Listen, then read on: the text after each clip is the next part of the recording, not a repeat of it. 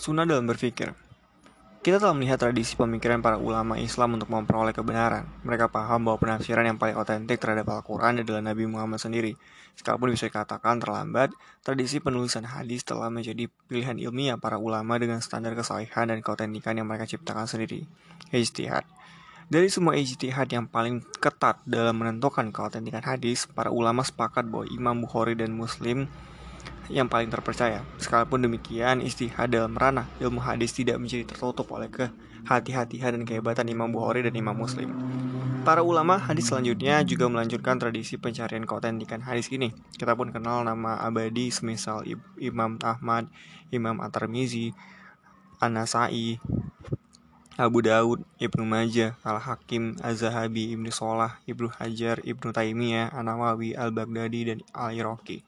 Para penerus tradisi pengujian keotentikan atau kesahihan hadis sekalipun terhadap hadis-hadis Bukhari Muslim, ini pun menciptakan standar penulisan hadis tersendiri yang bisa mereka pertanggungjawabkan secara ilmiah. Berkaitan dengan sunnah Nabi dalam berpikir, terdapat satu hadis yang menurut penulis sangat fundamental untuk mengetahui bagaimana inti pemikiran Rasulullah. Akan tetapi sayang, hadis ini tidak terdapat dalam sahihayan. Bunyinya adalah tafakkaru fi kholqillahi wala tafakkaru fi zatihi fatah luka fatah luku Hadis ini sahih atau tidak, Rashid Ridho melakukan penelusuran terhadap kesahihan hadis ini. Hafiz al-Iraqi berkata dalam Al-Tahrij bahwa hadis ini diriwayatkan oleh Abu Nuaim dengan marfu dengan memakai sanad yang doif. Al-Isfani meriwayatkan dalam kitab Al-Targrib wa Al-Tarhib dengan jalan yang lebih sahih. Al-Tabrani meriwayatkannya dalam buku Al-Ausat, Al-Baihaqi dalam Al-Syabi dengan sanadnya hadisnya Ibnu Umar yang mengatakan bahwa terhadap sanatnya harus ada peninjauan. Saya berpendapat bahwa dalam sanatnya terdapat wafid Ibnu Nafi yang harus ditinggalkan. Azabidi menambahkan dalam syarahnya, saya berkata bahwa hadis Ibnu Umar itu lafalnya berbunyi tafakaru alaihi lah wala tafakkaru fillah. Begitu pula bunyi hadis dalam riwayat Ibnu Abidunya dalam kitab Al-Tafakkur, Abu Syah dalam Al-Uzma, Al-Tabrani dalam Al-Ausat, Ibnu Adi dan Ibnu Mardawai. Begitu pula Al-Bayaki, tapi yang memandangnya lemah. Al-Asfahani dan Ibnu Mansur dalam Al-Ibana mengatakan bahwa dalam riwayat hadis ini terdapat seorang saja yang gorib. Abu Syekh merawatkan dari hadis Ibnu Abbas dengan bunyi tafakaru fi holkillahi wala tafakaru fil holki. Holik. Ibnu Hajar dan Al-Rafi mereka dari hadis Ibnu Abu Hurairah dengan bunyi tafakaru wa fi holkillahi wa wala tafakaru fil holik Banyaknya riwayat itu akan menambah kekuatan dan makna yang benar dari hadis itu, sebagaimana yang dikatakan oleh Hafiz Al-Sawi dalam bukunya Al-Makasid. Berangkat dari penjelasan Rashid Ridho ini seperti diungkapkan oleh Ridho sendiri, saya berpendapat bahwa hadis ini sahih. Akan tetapi, hemat saya di antara kita, bahkan di kalangan ulama, kurang teliti ketika menerjemahkan atau memaknai hadis ini. Ketidaktelitian tersebut di antaranya tercermin dalam penjelasan Muhammad Abduh yang diamini pula oleh banyak ulama lain. Berpikir tentang zat Tuhan yang menciptakan atau holik berarti mencari hakikat zat yang menciptakan itu dari satu sisi. Hal demikian terlalang bagi akal manusia, karena tidak ada keseimbangnya dua wujud itu, wujud holik dan wujud akal manusia yang makhluk. Hal ini bisa menghabiskan umur untuk menyalami sesuatu yang kekuatan manusia tidak akan sampai kepadanya. Tidak ragu lagi bahwa karena hadis di atas, demikian pula tentang sifat-sifat zat di samping karena adanya larangan memang mustahil untuk mengetahui zat Tuhan. Cukuplah bila kita mengetahui bahwa zat itu ada dan bersifat dengan segala sifatnya sempurna. Nah, mari kita jujur bahwa pemaknaan yang demikian terhadap hadis di atas sungguh sangat tidak teruji dalam sejarah. Jangan berpikir tentang zat Tuhan, satu kalimat yang sangat keras dan aneh. Sebab bukankah teolog klasik semisal Mu'tazila dan Asy'ariyah telah melakukannya? Bukankah Ibrahim dan Musa juga melakukan berpikir tentang zat Tuhan sebagaimana telah kita jelaskan di atas. Kita berangkat dari hal yang sederhana. Kita lazim berkata zat Tuhan. Apa maksud dari perkataan kita ini? Apakah kata zat di mana di sana sama dengan zat yang bisa kita temui di alam ini? Tentu saja berbeda. Itu sebabnya untuk Tuhan kita tulis zat, sementara untuk selainnya kita tulis zat. Yang perlu kita campak, camkan maksud dari kata zat Tuhan adalah Tuhan dalam zatnya. Tentang Tuhan dalam zatnya untuk selanjutnya kita tulis zat Tuhan. Semua mazhab sepakat bahwa benak manusia tak akan sanggup untuk menjangkaunya. Karena Al-Quran telah berujar tidak ada sesuatu apa pun yang semisal dengannya. Quran Surat Ash-Shura ayat 11 dan tiada sesuatu apa pun yang sepada dengannya. Quran Surat Al-Ikhlas ayat 4 Dua ayat ini menerangkan bahwa tidak ada sesuatu pun yang akan serupa dan bisa diserupakan dengannya dari sudut pandang kita berpikir tentang zatnya. Di lain tempat, Al-Quran pun mengabarkan hal yang serupa, namun dari sudut pandang diri manusia sebagai makhluk utama ciptaannya. Ketahuilah sungguhnya Tuhan yang Esa membatasi antara manusia dan hatinya sendiri.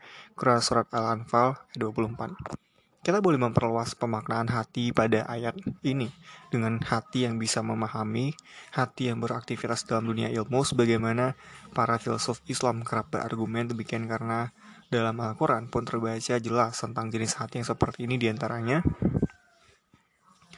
Tidakkah mereka berjalan di muka bumi lalu mereka mempunyai hati kulubun yang dengan itu mereka dapat memahami yakilun dan mereka mempunyai telinga yang dengan itu mereka bisa mendengar Sesungguhnya bukanlah mata yang buta, tapi yang buta adalah hati yang di dalam dada. Quran Surat Al-Hajj ayat 46 Al-Anfal ayat 24 berujar bahwa hati yang bisa memahami ini dibatasi oleh Tuhan. Dibatasi dalam hal apa? Yang teramat pasti dari ayat ini adalah bahwa hati tidak akan sanggup memahami zatnya sebagaimana hati. Akal atau benak manusia pun tak akan sanggup untuk memahami zatnya. Sebab zatnya adalah maha mutlak dan tidak ada sesuatu pun yang semisal dengannya. Artinya segala yang selainnya adalah nisbi, hudud, hudud, termasuk yang tergambar oleh hati dan akal manusia tentangnya. Walau demikian, hati dan akal manusia tidak bisa dibatasi dalam segala aktivitasnya, apalagi untuk berpikir tentang zat Tuhan. Maksudnya, sekalipun sudah jelas bahwa hati dan akal manusia itu terbatas karena memang sifatnya demikian, hati dan akal tidak akan bisa untuk tidak berpikir tentang zatnya. Artinya hati dan akal manusia akan selamanya berpikir tentang zatnya. Hanya saja pemikiran tersebut tak akan sampai atau tidak akan sanggup memahami dengan pemahaman yang benar untuk menjelaskan ini kiranya bijak bila kita menjelaskannya dari fakta sejarah. Kita tahu kaum Mu'tazilah berpendapat bahwa zat Tuhan itu bila sifatin, tanpa sifat. Sebab menurut mereka, bila Tuhan memiliki sifat berarti Tuhan tidak berbeda dengan makhluk. Adapun tentang sama, mendengar, basor, melihat, irodah, kemauan, kudroh, kuasa, dan yang lainnya, yang menyandar pada Tuhan dalam Al-Quran. Meski masih dipandang sebagai nama-nama Tuhan yang baik, titik. Nama-nama itu bukan sifat, jadi menurut Mu'tazilah, Tuhan melihat, mendengar, berkuasa dan sebagainya tiada lain kecuali dengan zatnya, bukan dengan sifatnya. Kita bisa menyimpulkan bahwa kaum Mu'tazilah berpikir tentang zat Tuhan dan hasilnya adalah zat Tuhan itu tanpa sifat. Beda lagi dengan kaum Asyariah, yang sejak semula memang menjadi lawan tanding pemikiran Mu'tazilah. Menurut mereka, zat Tuhan mempunyai sifat yang mereka kumpulkan dalam sifat Tuhan yang 20. Karena jika Tuhan tak mempunyai sifat, berarti Tuhan selalu diam dan tidak melakukan apa pun, dan ini mustahil. Jadi menurut Ash'ariyah, Tuhan melihat, mendengar, berkuasa dan sebagainya tidak lain dengan sifatnya. Mereka pun menekankan bahwa sifat Tuhan berbeda dengan segala sifat makhluk. Mukhalafah li al-hawadj. Kita bisa menyimpulkan bahwa kalangan Ash'ariyah berpikir tentang zat Tuhan dan hasilnya adalah zat Tuhan itu mempunyai sifat. Hemat saya, berpikir tentang zat Tuhan merupakan satu kajian terpenting dalam ilmu kalam. Bahkan ilmu kalam memang ilmu yang digunakan untuk memikirkan zat Tuhan. Saya katakan terpenting karena para ulama pun telah melakukannya dengan beragam argumen yang hasilnya berlainan. Kenapa berlainan? Sebab mereka menerimanya dengan cara masing-masing. Hemat saya pepatah Yunani yang telah saya kutip pada dua buku saya terdahulu, segala sesuatu diterima dengan cara si penerima. Adalah satu, satu dasar yang mesti kita pegang. Sebab pada akhirnya segala pemikiran merupakan satu bahasa benak manusia yang terbatas. Pemikiran mengikuti Immanuel Kant pada akhirnya terbagi menjadi dua. The thing is in self dan the things for me. The things it's itself atau fenomenologi adalah pemikiran yang diletakkan pada objek pemikiran itu sendiri dan ini merupakan suatu misteri. Adapun semua usaha berpikir manusia berada dalam the thing for me atau nomenologi. pemikiran tentang sesuatu sebatas yang diserap oleh benak manusia semata. Dari dua formula Kant tersebut, kita bisa mendamaikan dua pemikiran yang bertentangan di atas, Mutazila dan Asyariah. Dengan apa? Perhatikan kembali teks hadis di atas. Tafakaru fi holkilahi wal wala tafakaru fi zanihi fat, fatah luhu. Dua kata fi dalam hadis di atas tidak tepat jika diterjemahkan dengan tentang. Kita tidak menutup mata bahwa terjemahan atau pemaknaan kata fi dengan tentang juga bisa dibenarkan secara kaidah bahasa Arab sebagaimana ketika kita menerjemahkan ayat yang telah dikutip pada bab terdahulu.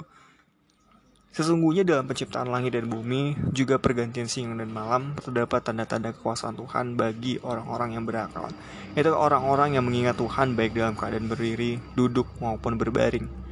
Mereka berpikir tentang penciptaan langit dan bumi seraya berkata, Ya Tuhan kami, tidaklah engkau ciptakan ini semua dengan batil sia-sia. Maha suci engkau, maka peliharalah kami dari siksa neraka. Quran Surat Ali Imran ayat 192 sampai 192. Akan tetapi, jika kata fi dalam hadis it di atas diterjemahkan dengan tentang, maka akan membuat benak kita tidak terpenuhi fitrahnya. Sebab mau bagaimanapun benak manusia akan selalu memikirkan zatnya sebagaimana dua mazhab besar telah melakukannya. Dari pemaparan fakta di atas, kita tahu bahwa hati dan benak mulai sekarang kita persingkat penulisannya dengan benak saja. Kita kita pernah bisa tidak pernah bisa untuk tidak berpikir tentang zatnya. Saya ingatkan kembali, Muqtazilah dan Asy'ariyah pun telah melakukannya. Dan ternyata hasil pemikiran mereka berbeda. Jadi ungkapan janganlah berpikir tentang zatnya telah dilanggar oleh dua mazhab ilmu kalam tersebut. Padahal para peneliti dan pengikut mazhab ini adalah mereka yang wajib dan pantas kita panggil saudara sesama muslim. Masalahnya sekarang apakah ungkapan jangan berpikir tentang zat Tuhan yang salah atau perbuatan kedua mazhab itu yang salah? Saya jawab dengan tegas ungkapan jangan berpikir tentang zat Tuhan lah yang salah total. Hemat saya kata fi dalam hadis di atas mesti kita terjemahkan dengan makna dasar yang yaitu di dalam. Jadi hadis di atas lebih tepat diterjemahkan dengan berpikirlah kalian semua di dalam ciptaannya, jangan berpikir di dalam zatnya karena jika kalian berbuat demikian niscaya kalian binasa. Maksudnya berpikirlah sebagai ciptaannya, janganlah berpikir sebagai zatnya karena jika kalian berbuat demikian, nih saya kalian akan binasa. Ini berarti kita mesti berpikir dalam kapasitas kita sebagai makhluk Tuhan yang terbatas dan nisbi dan terlarang ber, berpikir dalam kapasitas sebagai zat Tuhan yang mutlak. Dari terjemahan yang seperti ini, kita dapat menyimpulkan bahwa hadis tersebut ingin mengatakan bahwa semua pemikiran manusia tidak akan sanggup mencapai kebenaran mutlak. Artinya, segala pemikiran manusia tak pernah mutlak karena yang mutlak hanyalah Tuhan. Pemikiran manusia akan selalu terbatas, baik itu pemikiran tentang alam, sejarah, sains, maupun tentang Tuhan atau teologi. Di wilayah sains, misalnya, satu buku yang cukup baik menjelaskan hal ini adalah karya Thomas Kuhn, The Revolution Structure of Scientific Dahulu mekanika Newton begitu berjaya sampai diyakini sebagai kebenaran mutlak yang bisa menerangkan gerak jagat raya dari mulai gerak asap rokok sampai gerak nebula ruang angkasa. Ketika mekanika relativistik Einstein datang, gugurlah konsepsi mekanika Newton. Itu satu bukti bahwa pemikiran manusia tidak masuk di wilayah mutlak, sebaliknya secara selalu relatif. Yang unik adalah justru meng yang menggugurkan kemutlakan pemikiran Newton adalah kekreativitasan pemikiran Einstein, kita pun bisa belajar menjadi seorang relativitis dari pemikiran Einstein. Walaupun terlalu sesat bila kita mengkonsepsi relativistik sampai pada tataran akhlak moral, seperti yang sudah saya bahas dalam buku pertama saya dengan cukup panjang lebar, Tapak Sabda. Untuk wilayah sains, bila ada yang mencapai kevalitan yang tak mungkin tertolak lagi, maka itulah kebenaran firman Tuhan. Kami akan perlihatkan kepada mereka ayat-ayat kami di segenap penjuru dan dalam diri mereka sendiri sehingga jelaslah bagi mereka itu bahwa ia Al-Quran adalah yang benar. Quran Surah Fusilat ayat 53. Dan wilayah kemutlakan Al-Quran selamanya akan menjadi rahasia yang masih kita buka tabir-tabir hikmah yang terkandung di dalamnya dengan berusaha sekuat tenaga dan semampu kita sampai akhir masa. Di ranah teologi atau agama, sudah jelas bahwa semua pemikiran tentang Tuhan tidak akan sampai pada level mutlak. Setiap manusia pasti menyadari hal ini. Oleh karena itu, tidak bisa dibenarkan jika kita memaksakan pendapat kita tentang Tuhan sebagai kebenaran mutlak. Apabila kita sampai memutlakkan pemikiran kita, berarti kita telah bertindak menjadi Tuhan atau berpikir di dalam Tuhan, yang dilarang oleh hadis di atas.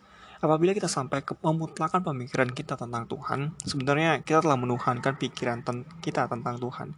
Dan otomatis, sikap bertuhan kita tidak benar. Ali Harb menulis buku yang judulnya sangat provokatif, Nahdu al-Haq kritik kebenaran. Dalam buku ini, Ali Hart mengutarakan bahwa kebenaran yang diklaim manusia tidak akan pernah bisa mutlak. Semua kebenaran yang disuarakan manusia akan selalu menyimpan celah untuk dikritik. Janganlah kalian berpikir di dalam satu Tuhan pun bisa kita maknai sebagai larangan untuk berpikir sebagai Tuhan dalam hal mendikte moralitas manusia. Contoh bagus tentang ini adalah pemikiran Jean Paul Sartre kalau pemikiran Sartre berusaha menjadikan manusia sebagai Tuhan, manusia sebagai penentu nilai, nilai sungguh berbeda dengan Muhammad. Nabi justru begitu hati-hati dalam segala pemikiran dan ucapan agar tidak berperan sebagai Tuhan. Oleh karena itu, Muhammad begitu wanti-wanti mengingatkan sahabat-sahabatnya bahwa apa yang ia katakan adalah wahyu Tuhan, bahwa ia hanyalah hambanya dan rasulnya. Rasulullah bersabda, Jangan aku dipuja seperti orang-orang Nasrani memuja anak Maryam. Aku hanyalah hamba Tuhan. Karena itu panggillah aku dengan sebutan hamba Tuhan dan utusan Tuhan. Jika yang ia katakan bukan wahyu Tuhan, ia akan berujar dengan jujur bahwa itu adalah pendapatnya, perkataannya, atau pemikirannya semata. Untuk menggambarkan ini, hadis riwayat Bukhari yang sangat terkenal sebagai buktinya, engkau lebih tahu urusan duniamu timbang aku. Sedikit catatan, pemikiran bahwa Muhammad bukanlah Tuhan dan Muhammad sendiri tak pernah berpikir bahwa dirinya adalah Tuhan bisa kita dekati dengan untuk menjawab mengapa tokoh-tokoh besar di kalangan sahabat-sahabat Nabi semisal Abu Bakar, Umar, Al-Qamah, Ubaidillah, Aisya'abi, dan Anahi sebagaimana terbaca dari beberapa riwayat sampai sedemikian lantang melarang penulisan dan pelestarian hadis. Karena pemikiran manusia tak pernah mutlak, maka konsekuensinya adalah kita mesti hidup dalam kedewasaan pluralisme. Oleh karena itu, Muhammad bersabda dalam hadisnya yang sangat terkenal, walau patut untuk diragukan kesayangannya, perbedaan di kalangan umatku adalah rahmat. Artinya perbedaan mesti mengantarkan kita pada kasih sayang, bukan malah menyeret kita untuk bertikai perang. Demikian pula segala pemikiran yang bermula dan difokuskan pada permasalahan agama yang kemudian dikenal dengan hasil istihad juga tidak akan pernah mencapai kebenaran mutlak. Para imam mazhab, semisal Maliki, Hanafi, Syafi'i, dan Hambali, sangat menyadari hal ini. Oleh karena itu, mereka pun berujar hasil ijtihadku tak mutlak benar, sebagaimana hasil ijtihad orang lain tak mutlak salah.